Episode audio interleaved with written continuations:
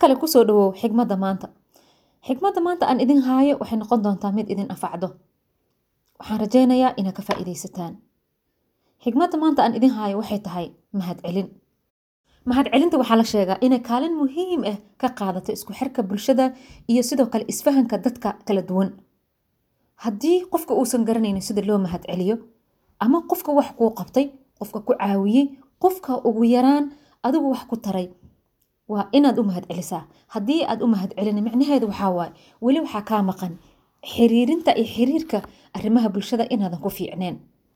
Waxaan rabnaa in aan isbarno dadka ay ogaadaan in qofka oo aad u mahadceliso ay tahay in qofka ay caafimaad badan jirkiisa gelinayso. Sidoo kale maskaxdiisa qofka ay ku noqonayso mid mar walba oo u xasuusto farxad geliso. Ogow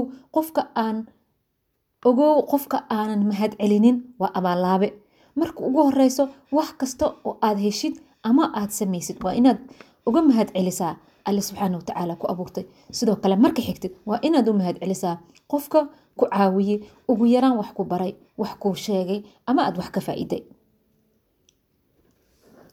Waxaan rabaa sidoo kale inaad ogaatid waxa la yiraahdo waxaa jirto laba arrimood oo iska soo horjeedo laakiin dadka aysan ogeen micno ahaan wax ay xambaarsan yihiin.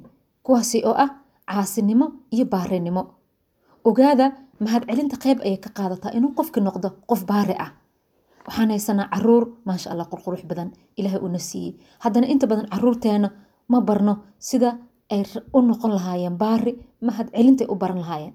Laakiin marka ay caasi noqdaan waan la dagaalanaa. Waxaan idhaahnaa hebel waa caasi heblaayo waa caasi caasi ayay ugu tahay. Ogow caasinimada waa geed iska baxo sida dhirta aad taqaanaan quraca mareerka iyo geedaha kale caadiga ah ee iska baxo ayay la mid tahay waxaa la yirahda caasinimada. Laakiin baarinimada waa ubax ubaxa iskama baxo ilaa la beero. Ubaxa wuxuu u baahan yahay marka la beero in la waraabiyo biyo la siiyo sidoo kale inuu urax helo hawo inuu qaato dabeel helo si uu u waa sidaasoo kale baarinimada. Haddii ilmahaada aadan adiga ku beeranin baarinimada oo aadan sidii ubaxii u tallaalin lagama yaabo inay dadka kale u noqdaan iyo sidoo kale adiga waalidku ah. Waxaa la doonayaa geedka markuu sidiisa u baxo hadduu sidiisa iska ahaado waxaa laga yaabaa inuu qodxo dhalo waxaa laga yaabaa inuu noqdo geed dila ah ama dhib geysto. Laakiin ubaxa marka la tallaalo la carfiyo lagu shubo biyo la qurux badnaasiyo wuxuu noqonaa mid qurux badan cid kastoo aragtana indhaha saartana ay u fiicanta. Sidoo kale ubadka waxay u baahan yihiin inay helaan waalid mar walba ku abuuro baarinimada tuso nolosha sida ay tahay tuso dadka sida loola dhaqmo tuso inay tahay wax wanaagsan in aad qofka ku tiraahdid marka uu wax ku taro wax kuu qabto waa mahadsan tahay. Tusaale yar ayaan idin soo waxaa jirta gabar yar ma raba gabadhaas inaan sheego hooyadeed iyo ayadaba laakiin gabadhaasi waxay hooyadeed ku tiri hooyo macalinka iskuulka ii dhigo aad ayuu ii jecel yahay. Laakiin macalinka dugsiga ii dhigo aad ayuu ii nacab yahay. Hooyada runta aaday uga xumaat waxay ku tiri hooyo maxaad sidaa u leedahay? Macalinka dugsiga kuu dhigo diintaada ayuu ku barayaa. Ma ku nacbo markaase waxay ku tiri hooyo macalinka iskuulka ii dhigo. Marka aan waxgafo ama aan qaldamo intuu isoo ag fariisto uu i yiraahdaa adiga waxaa tahay fariid waad fiican tahay haa dadaal kale ayaa lagaa rabaa. Ha cabsanin hor u soco wax fiican ayaa samaysay. Waana ku mahadsan tahay. Laakiin macalinka dugsiga ii dhigo marka aan wax qaldo wuu i canaantaa. Indhaha ayuu ii gaduudiyaa islamarkaana wuxuu i dhahaa hadda wayna samaysaa.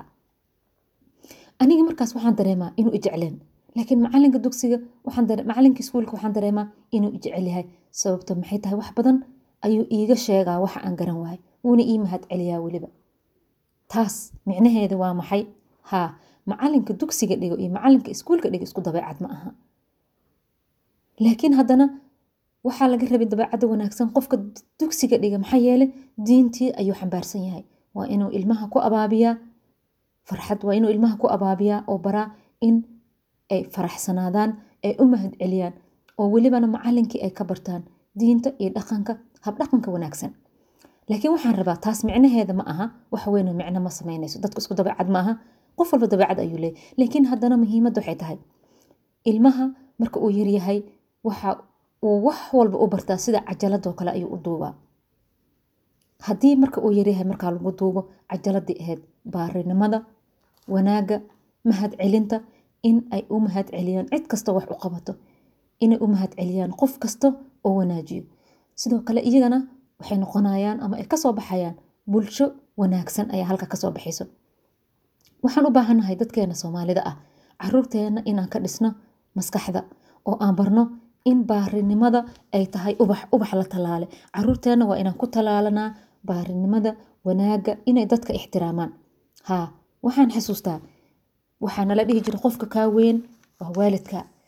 Qofka kaa weyn hadday gabar tahay oo ay kaa weyn tahay waa inaad ku tiraahdid abaayo haddii wiil uu yahay uu kaa weyn yahay sidoo kale waa inaad ku tiraahda aboowe haddii qof kaa weyn oo hooyo ama dumar aad aragto waa inaad ku tirahda eedo habaryar iyo wixii la mid ah. Sidoo kale ninkaa weyn haddaa aragto waa inaad ku tirahda adeer abti iyo wixii la mid ah. Laakiin ma nala barin maxay in aan nidhaahno? Waa mahadsan tahay oo aan faraxsanaano oo qofka markuu wax noo sameeya aan ku nidhaahno. Mahadsanid shukran. Taas ayaa meesha ka maqan. Waxaan u malaynaa in badan oo weliba waalidiinta ka mid ah weli taas culays badan uma arkaan. Laakiin bulshada waxaa kaabo oo ayay qayb ka noqotaa in la helo bulsho isjecel oo isu mahad celiso marka ay wax istaraan ama ay wax isu qabtaan waana wax muhiima in aad baratid qiimaha mahad celinta ay leedahay. Haa wiil yar ayaa waxaa hooyadiis uu ku yiri hooyo adiga aad ayaad ii jeceshahay. Haa markaase waxay ku tiri hooyo maxaad ku ogaatay inaan anig ku jeclahay? Waxa uu ku yiri hooyo marka aan kula hadlo waxaad ii dhagaysataa si wanaagsan. Shaqada aad gacanta ku hayso dhan waa iska dhigtaa wax alaala wixii kale oo aad ku mashquulsanid waa ka soo tagtaa. Welibana jilbaha ayaad ii dhigataa. Adigoo markaas aniga i dhirir la ekaysiinayo oo aniga ila siman oo ifiirinaayo ayaad i dhegaysataa. Sidaas ayaan ku garta hooyo ina adiga ani jeceshahay. Fiiri ilmahaas yarka ah hooyadaa wuxuu ka arkay waalidkaas wuxuu ka arkay ixtiraam. Weligiisna wuu jeclaanayaa. Xitaa hadday dhimato wuu xasuusanayaa hooyadiis inay jecleed. Wuuna u mahad celinaya markasta uu xasuusto. Waxaa laga rabaa waalidiinta qof walba oo waalid ah ilmahaada inaad bartid baarinimada oo adiga aad ku abuuratid sida ubaxa aan idin sheegay loo waraabiyo uu u baahan yahay in la abuuro ayay u baahan yihiin. Caruurtaada inaad ku abuurtid baarinimada oo aad isjeclaysiisid oo welibana wax walba aad iyaga ka hormarisid oo aad tustid inaad jeceshahay. Ha ilmahaada hadday ogaadaan inaad jeceshahay ogow mahad celin badan ayaad iyaga ka helaysaa. Sidoo kale bulshada kale ee ku heerana sidoo kale ayay ugu wanaagsanaanayaan oo ay ugu mahad celinayaan oo ay u ixtiraamayaan sidaad adiga u ixtiraamtay. Mar kale waxaan ku leeyahay xigmadda maanta oo ahayd mahad celintu in ay ku anfacday oo aad wax badan ka barata ayaan rajeynaya hana ilaabin in baarinimada ay tahay ubax la tallaasho baarinimada waa ubax la tallaasho ninka ragga hadduu xaaskiisa doonaya inay baari u noqoto waa inuu tallaashaa sidoo kale gabadha ninkeeda haddii ay doonayso inuu u noqdo baari waa inay tallaashaa wax kasta oo u sameeyana ay u mahad celisaa. Bulsho aan isu mahad celinin horumar ma gaarto. Aan noqono bulsho isu mahad celiso. Aada u mahadsantihiin waxaan rajeynayaa inay idin anfacday xigmadan sii gudbi walaal haddii aad ka faa'iidaysatay si dadka kale ay uga faa'iidaystaan. Cale